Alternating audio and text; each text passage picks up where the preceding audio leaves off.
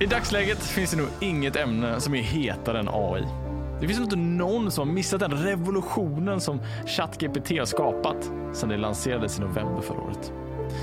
Men samtidigt som användare strömmar in i de här verktygen så är det många som inte vet hur man ska börja. Först, varför ska jag använda mig av AI? Och sen, hur faktiskt och praktiskt fungerar verktygen?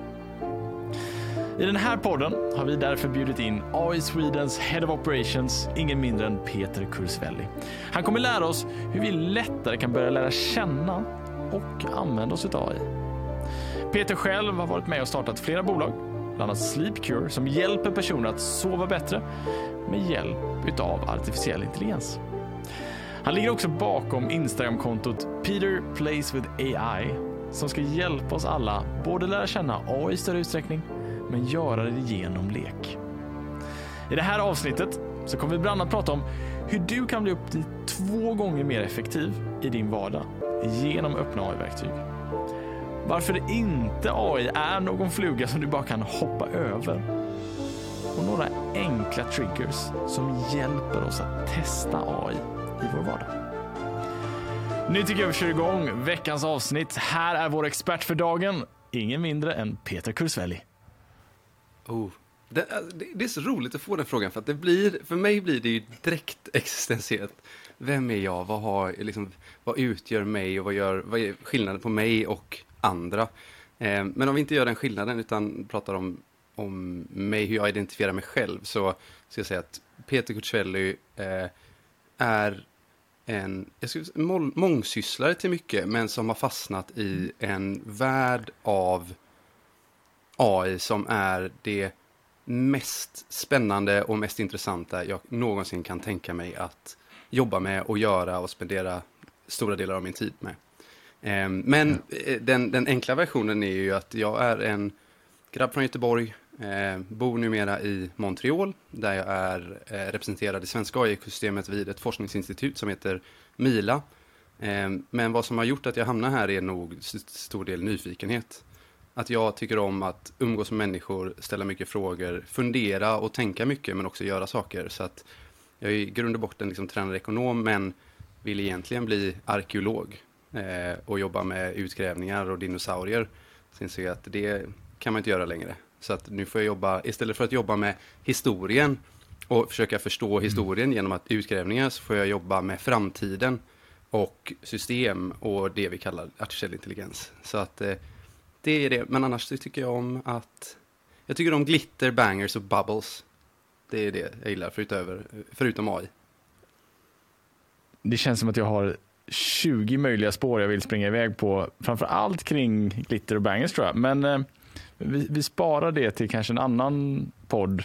Eh, och fokuserar idag lite mer på hela det här otroliga nörderiet kring AI. För det är väl få ämnen som är så heta som just AI idag. Och det här vill jag inte ska bli ytterligare ett samtal kring vad AI är, utan målet här tillsammans nu är verkligen att kunna se hur vi kan börja använda AI i ännu större utsträckning. Hur kan vi få uppleva vilka typer av effekter och resultat vi kan skapa utav det.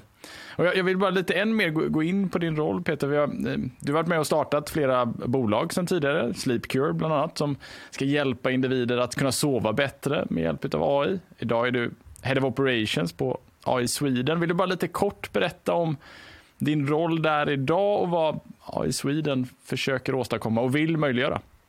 Mm. Eh, nej, men det är en jättebra fråga. Så att, eh, AI Sweden som jag representerar är en eh, neutral non-profit, men vad det framförallt är att det är Sveriges tillämpade AI-center.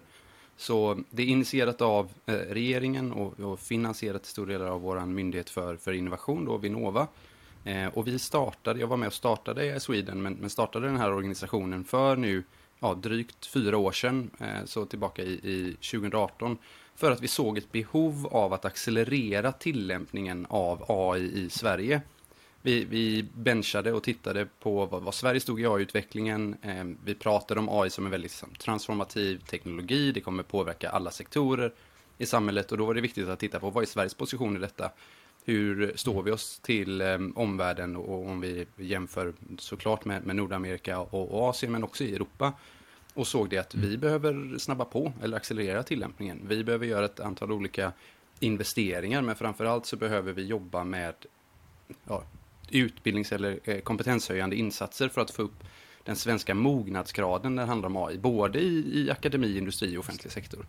Eh, så min roll är att jag har haft alla olika, alla möjliga roller på AI Sweden eh, för att det, det har varit som ett startup, ett, ett offentligt startup eller ett startup i den offentliga sektorn för att driva på just den här tillämpningen. Eh, men nu då ser jag Head of Operations här i, i Kanada för eh, Sweden där jag tittar på, där jag är en väldigt, väldigt vänlig spion. Eh, som kan jobba med det kanadensiska AI-ekosystemet och forskningen här men också titta på tillämpning. För vad många inte vet är att Kanada är världsledande när det handlar om forskning inom AI.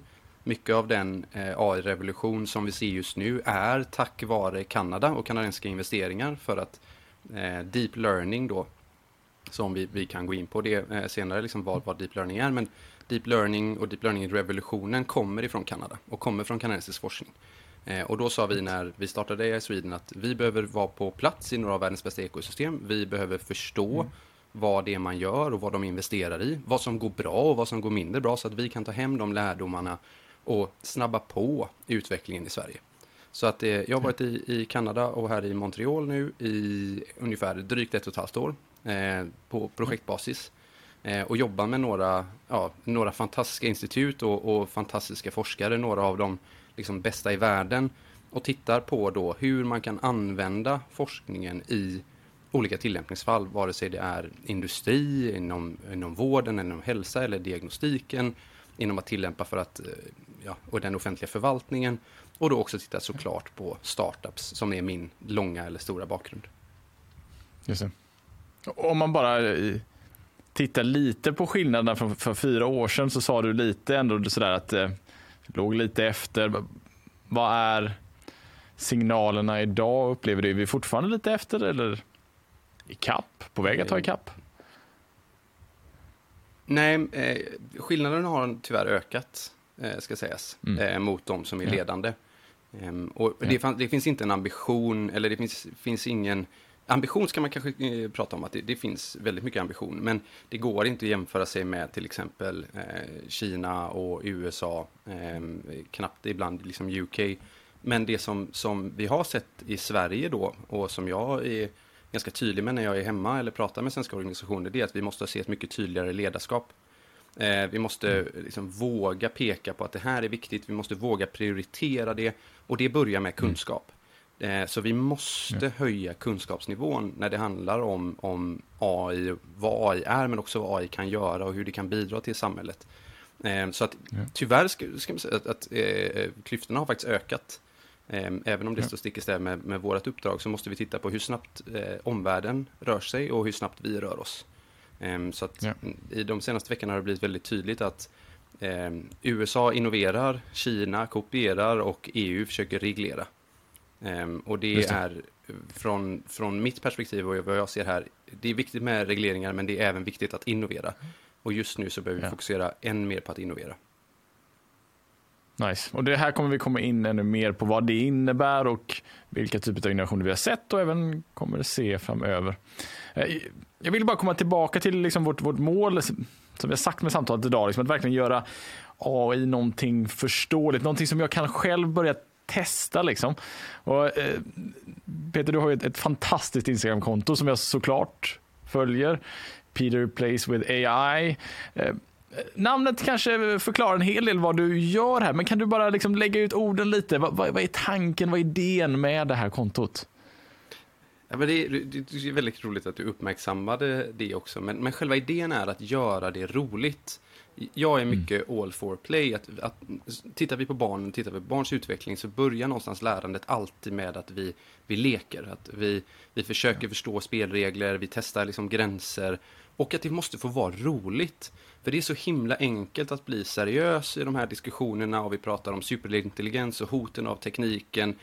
Men det är en helt annan sak att sitta med verktygen, att testa saker, att använda olika bildgenereringstjänster för att liksom skapa konst, liksom digital konst och addera verktyg till sin egen kreativa verktygslåda eller skriva noveller och dikter och eh, bygga spel och skapa nya liksom, kodsaker, eller saker baserat på kod som, som om man, även om man inte kodar så, så Peter Plays with AI har, har blivit mitt sätt att, eh, att uttrycka det på och försöka hjälpa och inspirera andra för att visa vad som är enkelt. Att sitter man en timme Alltså, ja.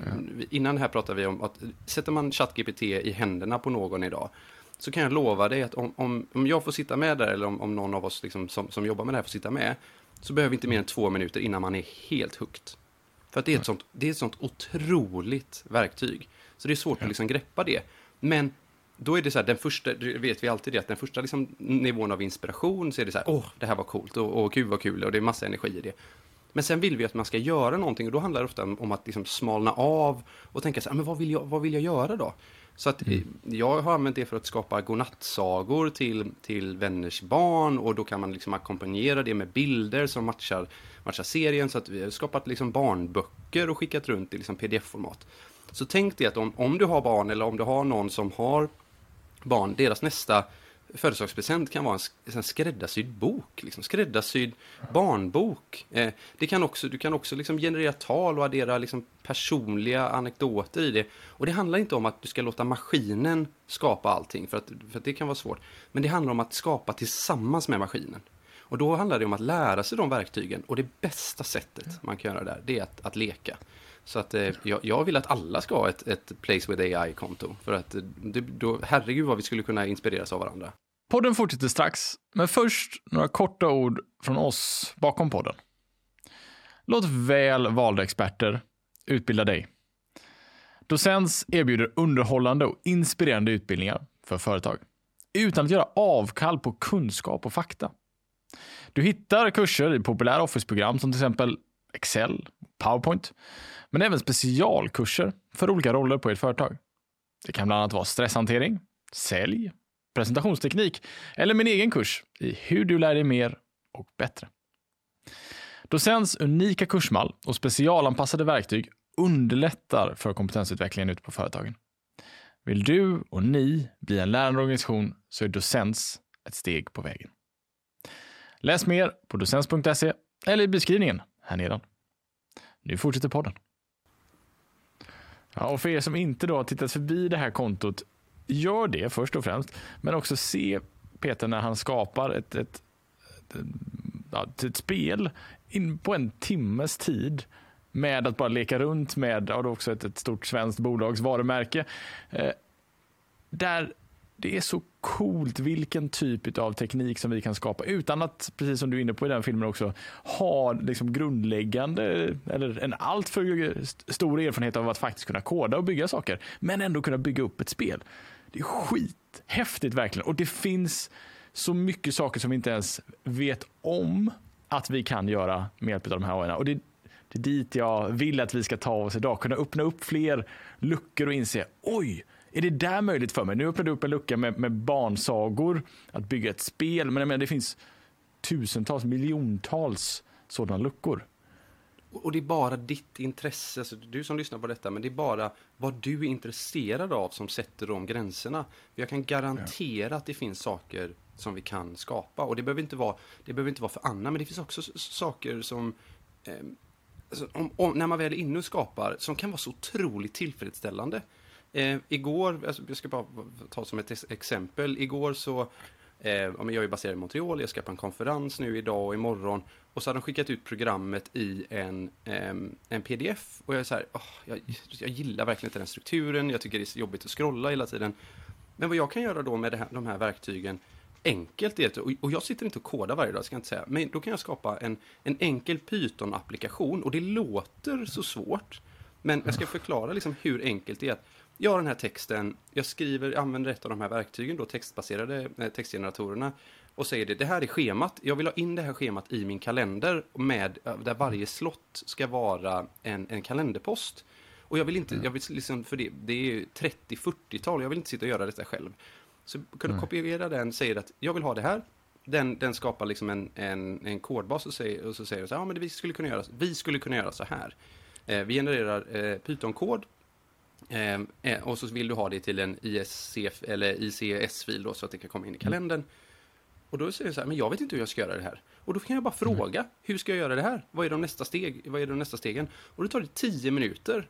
Och det har skapat ett nytt verktyg för mig själv som är superstrukturerat. Där jag bara egentligen så här, jag, jag skulle, det enda jag behöver veta är hur jag ska använda det här verktyget. Sen förklarar mm. verktyget resten av stegen för mig för att jag ska kunna göra det. Och det är klart att det är inte lek, det är ju för mitt jobb, men det är så otroligt tillfredsställande att se det där hända sen bara. Okej, okay, jag gick från det, hade en idé och sen är, har den idén hänt nu. Och det tar en kvart. Ja. Och nu, kan jag, nu är det ett verktyg, nu behöver jag inte använda det verktyget bara för den, utan jag kan använda det varje mm. gång. Så det går att skapa ja. sina egna verktyg. Ja.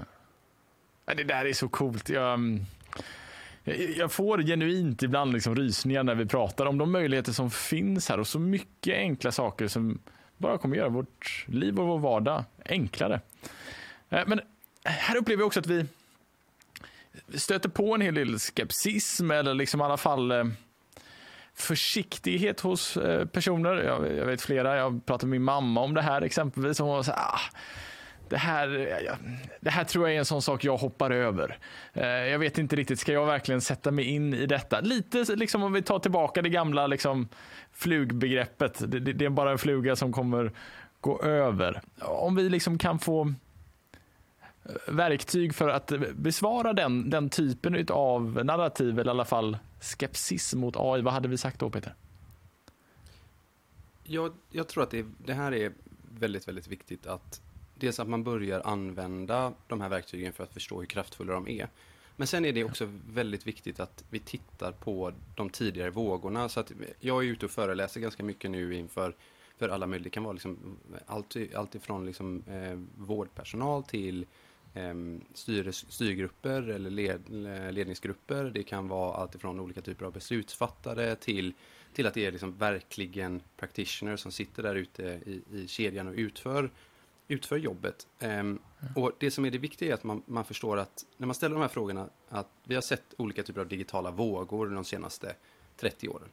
Um, vi har varit i den här, det vi kallar digitaliseringen sedan liksom 90-talet, eh, även om vi kanske har en mer avancerad digitalisering nu. Mm. Och då kan man vara ute och fråga så här, om, skulle du kunna göra ditt jobb eller det du vill göra idag utan en dator? Um, och då säger jag så här, nej men det, nej, det har ju underlättat. Ja, men skulle man kunna göra det utan internet? Så, nej, samhället är byggt på internet idag, på att vi ska ha liksom en, en connectivity. Skulle du kunna göra det du gör utan smartphones? För jag, alltså jag stod på Telenor, det var där när, under tiden jag pluggade och liksom jobbade med att sälja smartphones. Och det var då vi fick in iPhonen och vi stod och gav ut iPhones typ till folket. För att det, för att det, var ett sånt kraft, det är ett sånt kraftigt verktyg och vi kan se vad det har gjort med eh, bara 15 år senare för det känns helt sjukt att det är bara 15 år. Ja. Och de transformationerna är ingenting i jämförelse mot vad vi går in i nu. De har möjliggjort det här verktyget vi går in i nu. Och det, den största delen, och det är så här, vi kan prata om lek och vi kan prata om, om hur kul det är och verktygslådan och så vidare. Men den största vinsten av de här är en produktivitetsökning. Mm. Och det är en så stor produktivitetsökning att det inte kommer att vara konkurrenskraftig i de allra flesta yrken eller i de allra flesta roller om man inte jobbar med de här verktygen. Mm. Sen kommer det vara så pass att, att, de kommer implementeras i, verk, i, i, de digitala verktygen och det vi jobbar med redan idag. Så att alla, alla, man kommer jobba med det här mer eller mindre och man kommer liksom tvingas. Men det är viktigt att om man vill vara konkurrenskraftig eh, och liksom vara med och driva på förändring i samhället så måste man lära sig det här nu. För att det är nu som, som tåget går, eller tåget har redan gått. Eh, mm. men, men, vi måste liksom hoppa på och vi måste förstå. Eh, och det är därför det är så viktigt att göra, börja använda. För det här, eh, åter till din, till din mammas kommentar, att det här är inte en fluga man kan hoppa över. Du kommer tvingas till, till att liksom, eh, använda de här verktygen och då är det upp till oss som utvecklar verktygen att göra det så enkelt som möjligt. Men ju snabbare desto bättre. Just det. Så det är tydligt för oss, det, det, det, är viktigt att vi börjar göra detta, men vi inser också allt detta gör, det, det, det är beteenden. Det, det, det är människor som ska börja göra de här sakerna, använda sig av de här verktygen. Och är det någonting som vi vet så är beteenden svårt och att bygga vanor är svårt. Och här skulle jag lite vilja använda mig av eh, Stanford-professorn BJ Fogg, han har ju fokuserat hela sin forskning på ja, etablerandet av vanor. Liksom. Hur gör vi det så enkelt som möjligt för oss att, att bygga goda vanor för oss själva? Han har etablerat begreppet tiny habits. Hur bryter vi ner allting till så små enkla komponenter som vi hela tiden kan lyckas med? Jag tänker, det hade varit jäkligt coolt om vi kan försöka göra det kring liksom att, att bygga en vana av att använda oss av ett AI. Så att, lite att vi försöker tillsammans identifierat tiny habits som personer kan, kan börja göra för att testa, börja göra saker med AI. Vad tror du om det? Jag tycker det är en briljant idé. Nice. Du, du som jag, jag älskar ju BDFox. Jag älskar Tiny ja. Habits. Eh, och jag, jag, tror att det är exakt precis det vi behöver göra nu. Att vi behöver ja. göra, vi har pratat väldigt mycket teknik eh, länge i de här, i, om man har varit i det här fältet. Men nu måste vi börja prata ja. om, om tillämpning och applikation. Och att ja. använda det som ett verktyg att gå från idé, att göra ja. avståndet från idé till någon form av utförande eller någon form av minimal viable product pratar vi inom startups. Men, men bara så att du får se din idé så snabbt som möjligt. Det är dit vi vill åstadkomma.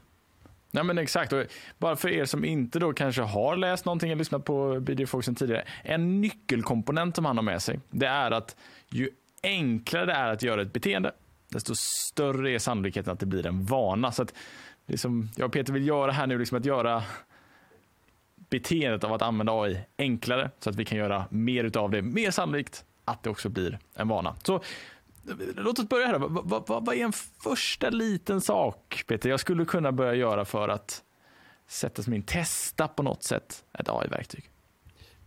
Jag, jag, tycker att um jag tycker att användandet av tjänster när någonting... Ursäkta. Ehm, jag tycker att användandet av, av tjänster och när andra använder tjänster visar på någonstans eh, potential och hur enkelt det är. Och ja. låt oss då prata om ChatGPT som ett exempel. ChatGPT lanserades i november. Det har över, nu, över 100 miljoner användare globalt. På mindre ja. än, eller de, de, man nådde dit i januari. Så på, på, mindre än tre månader så får man 100 miljoner användare. Mm. Att de har 100 miljoner användare säger någonting om hur lätt det är att använda verktyget. Du behöver mm. inte kunna någonting om kod, du behöver inte kunna någonting om, om egentligen teknik, utan du, du, kan bara exponera dig själv. Men det räcker mm. inte då om att bara veta att det här verktyget finns, utan det handlar om att använda det verktyget. Så det absolut lättaste saket, precis som typ BJ Fox säger om man ska gå ut och börja springa, så bara ställ fram joggingskorna. Ja. Ställ dem där. Så här. Ja. Gå in på ChatGPT på din telefon. Logga vad går jag in, på då? För att göra det riktigt konkret. Vad, vad, går jag in på? Riktigt konkret så går du in på chat.openai.com. Ehm, så skriv in det i vilken browser som helst. chat.openai.com. Och sen börja skriva, alltså börja chatta med, eh, så här, ställ frågor till den, vilka frågor som helst. Så att mm. det är det här tand, eh, om man tar, Google använder sig av eh, tandborsttestet. Eh, det känner du också till, men eh, ska man skapa en, en vana så är det alltid bra att koppla den vanan till en annan vana. Så att om jag ska, om jag ska göra tåhävningar så är det alltid bra att göra så här, okej okay, jag vet att jag borstar tänderna två gånger om dagen, så då ska jag göra mina tåhävningar när jag borstar tänderna. Så komplettera mm. befintliga vanor. Så nästa ja. gång istället för att du ska söka på någonting eller att googla någonting, ha en, en chattdiskussion kring, kring det. Se det, inte som, se det inte som en sökning, men se det som en liksom, dialog kring en kompis. Så här, du förresten, vad, vad, vad tror du om det här? När, när skedde detta? Eh, hur lång är kinesiska muren? Vad är avståndet till atmosfären? Alltså, vad man ens kan tänka sig att söka om. Eller då till exempel att så här, vi ska ha middag eh, hemma på fredag. Jag har lite dålig kreativitet. Vad, vad tycker barnen om? Eh, så här, kan vi göra någonting med det vi har i kylen? Så att istället för att använda Istället för att använda Google, använd det här som en form av liksom kreativ kompis. Men var källkritisk ja. då. Och koppla det till att när du tar upp din telefon, låt eh, den här sökrutan vara, eller den här eh, browserrutan eller fliken vara uppe när du väl har liksom loggat in. Så låt den ligga öppen på telefonen och använd det. För det är först då så här, oj, kan vi göra det här? Oj, den ger mig svar. Och det är ganska häftigt att liksom se i realtid att den börjar generera text. För när vi börjar mm. använda så kommer vi också inse att och jag kan göra mer saker. Um, nästa gång du har, eh, nästa liksom tiny habit som jag tycker är att vi skriver ju, vi har, alla har kompisar som fyller år. Eh, Mm. Och vi vill skriva grattis. Ta och generera en bild med en av bildgenereringssidorna. Så här, sök, Mm. googla eh, D-A-L-L, eh, komma i, Dali. Ehm, för det är en browserversion, eller man kan använda Midjourney, och det, men det är Discord, och det är lite mer komplicerat. Men gå in på samma tjänst, skapa och be om att skapa en, en födelsedagsbild. Så istället för att skriva eh, Michelle, grattis, hoppas du har en riktigt bra födelsedag, så skapa en rolig bild med någonting som du har eh, som en anekdot till den personen. För att då blir det syftesorienterat. Och det blir mycket roligare att få. För du kan bara ta hem den här sms eller bara smsa iväg den och säga så här. Du, jag tänker på dig. Hoppas du har en riktigt bra dag. Ehm, här är en bild på, som jag genererade och här är en bild på oss. Ja. Ehm, för att skapa det till någonting annat du redan skulle gjort. Just det. Så, så det, jag tycker att det är de liksom roliga exemplen på, på detta. Så där har vi ja, men i, i enkelheten då, triggern för mig. Det, det, som ska liksom, det som jag ska vara lite medveten kring här det är när, när jag börjar dra mig mot att googla någonting, öppna upp min Google app eller öppna upp min webbläsare på telefon eller dator. Istället för att gå till Google där eller bara skriva in direkt. Faktiskt testa en gång att, att gå till eh, OpenAI och testa ChatGPT istället. Bra, där, där har vi en tydlig trigger. Födelsedagen. Har vi vänner såklart som fyller år framöver, tydlig trigger, kan jag göra något annat än den här hälsningen? Ja, bildgenerering. Underbart, jag älskar det. Eh, Och här är det, då var det lågt hängande frukter. Man känner att man är kanske ett steg längre fram. Ja, men jag har, jag har faktiskt lekt runt lite i ChatGPT. Jag har testat det ett par gånger. Ehm, jag kan inte säga att jag är expert på något sätt, men jag- börjar bygga en rutin av att göra det då och då. Vad är, vad är nästa lilla steg jag kan ta? Då är det viktigt att förstå vad AI är för typ av verktyg generellt. Liksom. Att, tittar vi på, på ChatGPT till exempel så är det ju en, en textgenerator. Så att vad den är riktigt, riktigt bra på det är att ta en input och, gen, och förutsäga nästa ord. Så att den, den genererar text.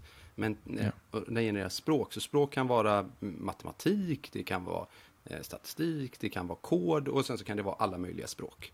Ehm, och då är det viktigt att förstå att det den gör är att den gör det snabbare. Så att, att gå från till exempel en, en blank sida eller då att extrahera information utifrån befintliga texter. Så när man gör de uppgifterna, om det är så att jag ska Ja. generera väldigt mycket text, att säga att jag ska skriva en rapport eh, och stå där, var börjar jag någonstans, hur ska jag ta mig an det här? Så kan man mata den här med, med lite information, så börjar den generera text. För det är lättare för oss att redigera eller att editera än att skriva från början. Alternativt så att man tittar på det som tar väldigt lång tid i ens jobb. Ehm, Det, det tar mycket tid för mig att, att sitta och läsa rapporter och de här verktygen då är fantastiska på sammanfattning nu. De är att eh, vi kan mata in en text och be om så här, kan du förklara det för mig? För mig som, som eh, har som jobb att läsa mycket vetenskaplig, vetenskapliga rapporter eller mycket eh, publicerade papers, så är det ju här en dröm. Att jag kan liksom s- lägga in den informationen, säga så här, vad är, vad är det som är viktigt i det här paperet? Vad är särskilt, liksom, särskilt intressant och vad är, vad är nytt i jämförelse med detta? För där sparar jag mycket tid. Och jobbmässigt så är det produktivitetsökande verktyg. Så att, att ha med sig det hela tiden att så här, är det text jag jobbar med så är det här fantastiska verktyg. Ska jag generera en presentation?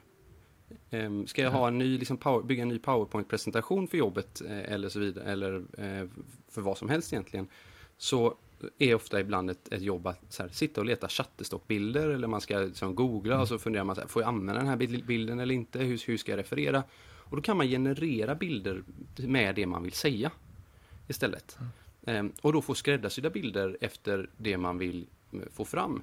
Och det är inte bara det att det är eh, ganska roligt, det, är också, det kan också berätta, eller liksom skapa en bättre story. Ehm, och man slipper leta efter foton, och sitta och scrolla och sånt där och fundera på relevans. Så samma sak där, att, att göra det syftesorienterat, att titta på vad är det jag vill göra nu? Skulle jag kunna använda de här verktygen för att göra det snabbare? Ehm, eh, nu, hade nu har de, utvecklingen inom det här fältet har gått så otroligt fort. Otroligt, otroligt fort. Och nu är det till och med då uppkopplat mot internet och man kan liksom använda det för att söka efter ny information och be den sammanfatta den informationen. Så när jag gör det, så här, börja använda de här verktygen för att titta på, okej, okay, vad är jäm, här, om, jag, om jag normalt sett skulle googla någonting för att få fram information, om jag skulle använda de här verktygen nu, vad är skillnaderna? Hur använder jag mm. de här verktygen? Eh, vad är det det yeah. skapar för, för fördelar för mig? Men vad är också svårt och jobbigt? För det kan vi bara lära oss genom att använda. Så ett sånt exempel som, som jag, som exempel när jag gör det är att om, om jag ska hålla en presentation eller jag, ska, jag ska prata med någon som inför den här podden eller eh, om vi har en utbildning så kan jag använda det som ett, ett bollplank eh, och be säga så här, jag ska ha jag ska prata med Michelle här, vi ska prata om detta. Vad är extra viktigt att tänka på eller vad, vad är liksom, vad borde jag lyfta fram? Mm. Och nästan, eller inte ens nästan, utan varje gång så, så kommer det en rabbla upp saker som jag har tänkt på, men den adderar alltid någonting nytt. Det är så här, och det där var ett intressant perspektiv också. Så använd det som ett bollplank och som en, liksom en kreativ partner när man känner att ah, men jag, jo, men det där var bra, det där kan jag spinna vidare på. Eh, för det är, den, det är liksom de här verktygen otroligt bra. Podden fortsätter strax, men först några korta ord från oss bakom podden. Vilken effekt får dina utbildningar på dina deltagares vardag? Vilka nya beteenden och vanor skapar de när de kommer tillbaka till sin vardag efter din utbildning? Om du känner dig osäker på svaren på de här frågorna så har vi skapat Noli för dig. Vi på Noli har utvecklat ett digitalt verktyg där du som ansvarar för en utbildning kan erbjuda dina deltagare personliga lärresor som stöttar dem före, mellan och efter era träffar. Optimalt era ledarprogram, men också för er onboarding där inte bara medarbetarna utan också medarbetarnas chefer får rätt stöd i precis rätt tid. Ett perfekt komplement till ert existerande LMS för att maximera effekten av er ledarutveckling och er onboarding. Är du nyfiken på att veta mer om Noli så finns det mer information på noli.com eller i beskrivningen här nedan. Nu fortsätter podden. Ja, för det som kommer som associationer till mig är ju verkligen en du säger partner, en kollega, någon ytterligare ett bollplank som jag både kan få input, feedback på, men som jag också kan studsa mina idéer mot. Och det är väl det som är det coola, att inse att det här är någonting som vi har en kommunikation med. Alltså till skillnad från om vi säger hur vi har googlat saker så vi puttat in en fråga, vi har fått någonting tillbaka. Här är det en kommunikation, fram och tillbaka. Vi ger någon sen ytterligare någon fråga på det svaret vi har fått tillbaka och det, vi får någon ytterligare variant av den sammanfattningen eller den beskrivningen som ChatGPT i det här fallet då liksom har gett oss. Och det är väl det som är häftigt att chattformatet möjliggör för oss att ha en konversation med verktyget. Och, och det, jag tror att det är just liksom, det här är, nu är det ju um, ChatGPT, eller det finns det Bard, och det finns eh, flera sådana här storskaliga språkmodeller. Och chattverktyget är, det är ju att det är ett interface, det är en form av vad användarupplevelse och det är det som är brill, så briljant i de här verktygen som har kommit fram nu, att man har gjort det så enkelt att använda. För att kan du, kan du smsa idag, om du har liksom sms-dialoger med vänner, familj eller vad som helst, så kan du använda mm. de här verktygen. Garanterat. Ja. Och du kommer göra det bra. Ja. Eh, ja. Vad som är viktigt att säga till, nu, nu kan vi prata om, om, kollega och partner och så vidare. Och jag kan prata om det som en, en samskapande part. För att det är, en, för det är någon som, någon, någonting som jag skapar tillsammans med. Om jag mm. editerar bilder så kan jag editera dem i Photoshop, då använder jag Photoshop. Men det är viktigt också att vi inte mm, antropomorfiserar här och ger det mänskliga egenskaper, för det är liksom ett, det, det ska vi inte göra. Det är ett verktyg. Det är ett verktyg eh, utan känslor. Eh, det är ett verktyg som finns där för att använda, men det, det, verktyget gör ingenting om du inte använder det. Du sitter i förarsätet, du bestämmer vad du vill göra tillsammans med verktyget. Sen är det så pass, en, en så pass bra upplevelse så att det blir en samskapande part. Mm. Den hjälper dig att generera text, för den genererar text åt dig. Men mm. du sitter i förarsätet så du måste använda verktyget mm. och veta vad du vill göra. Och då är det så här, ja. lek, experimentera men också då det syftesorienterade. Eh, innan var vi också pratat lite Peter om vad vi gör idag, tidsaspekten av AI. Vad, vad görs idag? Vad kommer ske om ett år, två år. Här, blir ju mycket såklart hypotetiskt, men om du bara liksom vill ge oss lite en, en, en bild av vart vi är idag tidsmässigt, vad, vad kommer ske framöver? Det, här är så roligt, för att jag, jag, tycker inte att det är så hypotetiskt. Och det är en av sakerna som, som, eh, som, vi ute, som jag är ute och pratar om väldigt mycket. Att. Framtiden, det bästa sättet att förutse framtiden är att titta på historien. Men framtiden kommer inte bli som historien, men det kommer bli någon form av... Liksom, framtiden kommer rimma på historien. Um, Just det. Och, och, det vi vet, vad vi kan göra idag, det är att följa de kurvor som händer. Um, ja. Och ställa oss så här, tror vi att det här kommer avta eller kommer det öka? Um, och när vi pratar om AI, vad som är, viktigt, vad som är jätte, jätteviktigt att förstå om AI, det är att AI i grund och botten, det är machine learning. Machine learning baserar sig på liksom avancerad statistik och det är matematik, men man jobbar liksom med matematik och data. Nu ska vi inte gå in på vad AI är, men vi kan gå in på vad som möjliggör AI. Och möjliggörarna för AI är väldigt tydligt. Det är, vi behöver data, vi behöver massor av data för att vi ska kunna göra det. Så, så digital information eller digitala in, eh, inspelade eller sparade erfarenheter. Det är liksom vad vi, exempel, det är vad data är.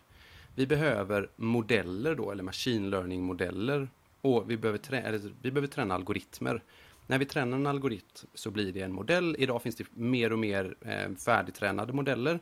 Det är vem som helst, om man har en dator och tillgång till internet, kan använda de här modellerna och träna modeller själv. Det är en inlärningskurva, men man kan göra det. Och sen så behöver vi datorkraft. Eh, och det har blivit liksom demokratiserat genom eh, cloud-funktionerna. Den saken vi ofta glömmer är att vad vi också behöver är människor. Vi mm. behöver en stor del människor och domänägare. De, sådana ägare, eller så människor som har en domänförståelse kring någonting, precis som ni som är jätteduktiga på lärande och utbildning, så behöver vi ha det inom varje fält. Och då kan vi mm. ställa oss frågan så här, kommer det, kommer det här öka eller kommer tillgången på de här olika sakerna öka så att tillämpningarna ökar? Kommer mm. dat den data vi genererar i samhället öka eller minska? Vi vet att den kommer öka. Den har ökat i ett rasande tempo de senaste åren och det här kommer inte avta. För vi får bättre sensorer, vi kommer ha liksom, vi har delvis självkörande bilar som genererar en mängd data i förhållande till vad bilen gjorde för några år sedan. Ehm, vi får fler och fler modeller. Man kan gå in på ett, ett sånt ställe som Hugging Face och se de här modellerna i realtid utvecklas och släppas tillgängligt. Vi får lättare att ha tillgång till den här datorkraften genom cloud. Vi vet att teknik blir billigare över tid också. Så att eh, det blir billigare och billigare att träna de här modellerna, även om det är till viss del ganska stor, dyrt nu att träna de här riktigt stora modellerna. Mm. Och vi vet att fler människor kommer lära sig det här för att det är en fullständig transformation. Så användningsområdet kom, av det här kommer bara öka och det kommer öka inom alla fält.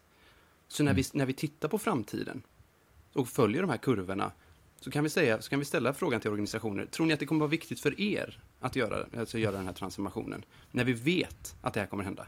För det är ingen mm. om, det är inte kanske, det är inte potential. Vi vet det och det händer redan nu. Och vi vet ja. att efterfrågan på det kommer att öka. Om de säger så här, ja men vi ska se när vi ska hoppa på det här. Tror du era konkurrenter kommer hoppa på ett verktyg som ger en produktivitetsökning större än 2x? I vissa fall är det liksom 10x. I vissa fall är det besparingar på 50, 60, 70, 80 procent på vissa kostnader. Tror ni att det är viktigt att, att göra det då? Ja, det är viktigt. Kommer ni göra det före era konkurrenter eller efter? Det beror på er mognadsgrad. Tror ni att det kommer göra en skillnad mellan om de gör det före er eller om ni gör det först? Ja, det kommer göra en mm. skillnad. Mm. Så det är så här, framtiden är inte så oviss som vi tror. Mm. Det, det, det, är inte en... en det, så här, vi vet ungefär vad som kommer hända.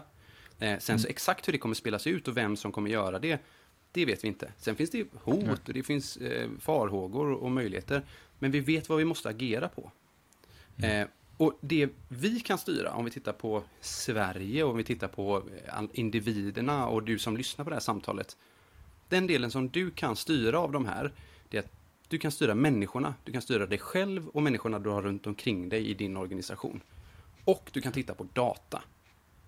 Du kan titta på den data ni genererar, du kan titta på data ni jobbar med, du kan ställa frågor till dina medarbetare. Vilken data tar vi det här beslutet på? Finns det ytterligare data som vi borde ta i beaktning? Och sen får man börja använda de här verktygen. Så att framtiden är inte så oviss. Det här kommer Nej. att påverka hela samhället. Mm. Och om man inte använder de här verktygen så kommer det vara väldigt svårt att konkurrera. Nu har vi varit väldigt fokuserade vid görandet. Om vi har någon som liksom sitter och lyssnar och säger, men jag är ändå lite nyfiken på att lära mig om detta. Liksom, har du, har du några tips också för vad, vad, vad, skulle jag kunna göra för att faktiskt också få lära mig, förstå ännu mer, vad, vad är AI och hur kommer det faktiskt att utvecklas? Alltså, det är ju mitt absoluta favoritområde. Det är vårat absoluta favoritområde. Nu, för nu märker det som att här, vi målar upp lite fan på väggen och ni måste förändras och förändras. Här. Men anledningen till att vi måste förändras här, det är ju för att det här är det, alltså det, är det roligaste som finns. Det här är det mest mm. spännande som hänt. Jag, jag, kan inte tänka mig att leva i en mer spännande tid än nu, för här har vi teknik, samhälle, filosofi, språk som kommer samman. Så lärandet är det absolut viktigaste och det mm. lättaste att göra, den mest kostnadseffektiva insatsen att göra det här. Eh, och det finns ju såklart mängder av kurser eh, online. Eh, det är så himla bra att, att ni väljer att liksom spela in den här podden och, och, prata om detta för att sprida kunskap också. Eh, vi på AI Sweden, eller jag, vi har också en podd som heter AI för ledare som finns till exempel på Spotify som man kan lyssna på om man är mer nyfiken på liksom hur AI ska användas i näringslivet och, eh, och vad det är man gör. Men sen när det handlar om lärandet så är det ju, vi har ju använt er. Liksom. Vi har ju använt Noli för att vi ska använda verktyg. Vi måste sprida det här så långt som möjligt. Så att är man, eh, vill man lära sig så har AI Sweden en, en gratis, öppen eh, kurs eh, med mig som heter Starta din AI-resa. Som går in liksom på de grundläggande eh, stegen inom AI för att man ska få en bättre förståelse. Eh, den finns både på svenska och engelska. Den finns på eh, ai.se eh, och sen lärande. Jag tror att vi kanske kan lägga en länk till den i show notes där vi använder Noli som plattform. För att vi inser också att här, ja, vi kan skapa videos och vi kan skapa, eh, vi kan skapa innehåll, men vi är ju inte, vi är främst duktiga på det vi gör. Sen så är, finns det ju andra som är, som är mycket bättre på att bygga verktyg för just själva lärandeformen. Men jag skulle säga att äh, sitter man idag dels är nyfiken på detta, eh, dels är, eh, sitter i en organisation, så är det absolut bästa man kan göra.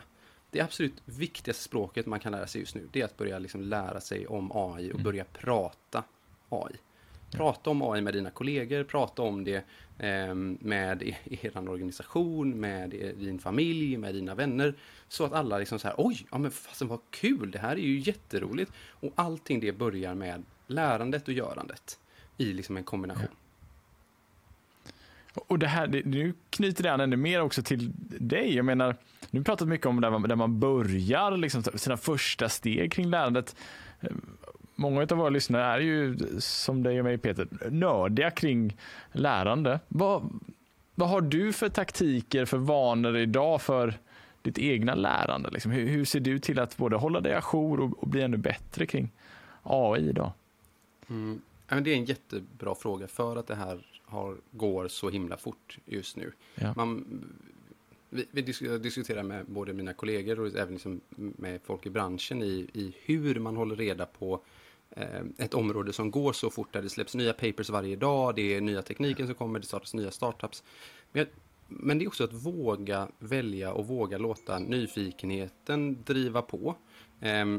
och, och sen så också investera tid. Jag vet att jag investerar mycket av min tid i detta. För, dels för att jag tycker att det är väldigt intressant, men jag tror också att det är väldigt viktigt för framtiden. Så jag prenumererar på en rad olika nyhetsbrev som jag får till min mailbox varje dag. Men sen läser jag, öppnar, sen går jag nya kurser varje vecka. Jag, och, ja. um, så det, använder vi plattformar som Coursera, vi använder eh, jag använder plattformar som um, Code Academy för att liksom lära mig mer om, om koden. Men sen är det också att, att titta på vad som händer i, i media, vad alla skriver om, försöka förstå det. Eh, och jag tycker att det som vi gör här, att spela in podd, det är min absoluta favoritsätt att lära mig på. Eh, mm. För att det är, det är, så enkelt, det är lättillgängligt, så fort jag ska gå någonstans eller om jag ska ut och springa eller gå till gymmet, så kan jag bara liksom stoppa in och lyssna på det. Och jag, jag spenderar ju säkert om, om folk som spelar in poddar visste hur mycket tid jag spenderar med dem, då är det så här, det är som en ny bästa kompis ibland. Så att hitta ett fält, hitta några få personer som man tycker är, är intressanta att följa. Antingen på, mm. på svenska eller på engelska beroende på um, hur hemma man känner sig. Och så bara börja följa dem. Eh, lyssna på dem, vad de gör. Eh, jag har jätteinspirerande kollegor på, på AI Sweden. Vi har en hel del liksom, intressanta personer i Sverige. Men det finns ju också då eh, sådana som som bara är, är, superspännande att lyssna på. Sam Altman till exempel som är då eh, vd och en av grundarna till, till OpenAI. Och då kan man egentligen bara kika på YouTube. Vad är det de här säger? Hur, hur går diskussionen? Vad, vad är det? Varför, varför pratar vi om det här på ett sånt sätt? Så att utmana sig själv och säga så här, men jag ska spendera, börja med 20 minuter en första veckan mm. och sen så kommer det vara 40 minuter nästa vecka. Och sen kommer det bli liksom timmar för att det här är så intressant. Men våga ja. sätta undan lite tid. Boka en halvtimme i kalendern som ska vara din AI-halvtimme eh, mm. per vecka. För ibland tiden är dyrbar, men det här är den, det är den bästa och roligaste investeringen som du kan göra just nu. Och, och här kan vi väl igen ge, använda oss av den kloke BJ Fogg för att ge goda rekommendationer. För en vanlig utmaning här tror jag att vi kan känna en stor inspiration också. Shit, det här är ju jätteintressant. Jag, jag vill lära mig massor direkt och så tänker man att ja, men nu ska jag lägga två timmar om dagen på att lära mig om de här sakerna. Det, det är inte en hållbar strategi för att lyckas göra det här långsiktigt. För att är det någonting som är viktigt här, det är att vi kontinuerligt över lång tid faktiskt avsätter tid för att lära oss om det. Så att skapa hållbara vanor där du lyckas du, precis som Peter säger nu, 20 minuter i veckan Kanon! Kan du göra det varje vecka under ett års tid? Förstår du hur mycket du har lärt dig? Och, det finns så mycket mer potential i den rutinen än att du lyckas under fyra veckor avsätta två timmar under de fyra veckorna. Så att börja litet så att ni lyckas liksom få in lärandet över lång tid så har ni väldigt mycket vunnit här. Vi, och, och jag har alltid en, ja. Nej, och, ja, bra. Förlåt, men och så Nej, gör det gärna i grupp. Gör det gärna tillsammans med vänner eller tillsammans med kollegor ja. eller tillsammans med familj. Säg till farsan att så här, fan, jag, vill att, jag skulle vilja att vi lär oss om AI tillsammans nu. Så att man har, hittar ett sätt liksom, att använda det som bondingverktyg också. För att nice. vi ser att det är så himla, det är så himla starkt. Alltså, den gamla svenska traditionen, det vi gjorde riktigt bra en gång i tiden med studiecirklar. Otro ja. Otroligt! Ja. Och skapa studiecirklar på jobbet. Jag tror att så, om man är arbetsgivare idag, så tror jag att ja. det finns ingen bättre investering ni kan göra än att låta era medarbetare ta bara en AI-fika. Så, ja. sätt, på, sätt på en, eh, en kort YouTube-film eller skicka ut en podd eh, till alla och säg så här. Fasen, jag skulle vilja att ni lyssnar på det här i veckan. Antingen gör det på er commute eller så, så gör ni det på lunchen. Vi ger er en kvart extra. För vi skulle ju bara mm. vilja diskutera detta. För vi vet ja. att det här kommer kunna ske liksom produktivitetsökande och det finns en nyfikenhet. Och vi vill göra de här sakerna. Men, men gör det tillsammans också. Ja. Peter, nu kommer vi få den svåraste frågan utav dem alla idag. Jag frågar alla eh, deltagare som är med om ett boktips. E- en bok som man själv verkligen har uppskattat och som man vill rekommendera. Och här vet jag att din största utmaning kommer vara att hålla dig till en bok. Så vad är en bok, Peter, som du verkligen skulle vilja rekommendera? Som har betytt mycket för dig också kanske? Och en bok, det är så, det är så himla bra. Nej, men, eh, jag skulle ta eh, Making Ideas Happen av Scott Belsky. Eh, för att jag, jag, tror att vi går alla runt och bär på idéer. Så det, är inte, det liksom handlar inte om en AI-bok, utan det handlar om att Nej. lärandet och förstå sina idéer och så börja tänka på hur kan vi använda de här verktygen.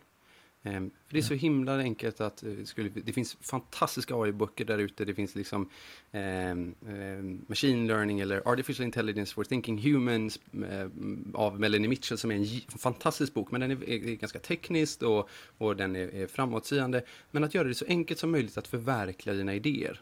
Så Making Ideas Happen eh, av Scott Belsky. För att om du kommer in i det tänket och börjar liksom fundera på vad skulle, hur skulle jag kunna använda verktygen? Så blir man också mer nyfiken på att lära sig verktyg, för det handlar inte om verktygen. Det handlar inte om hur liksom, tekniken och eh, hur en transformers-modell ser ut eller hur machine learning funkar, utan det handlar om vad du kan göra med tekniken. Sen finns det en rad olika forskare där ute och utvecklare som kommer fortsätta utveckla den här tekniken. Men den är först värd någonting när du gör någonting med den och skapar värde eller syfte i ditt liv. Så att förstå hur du transformerar dina idéer och dina tankar till någonting verkligt och, och tangible, det tror jag är det, det viktigaste vi kan göra.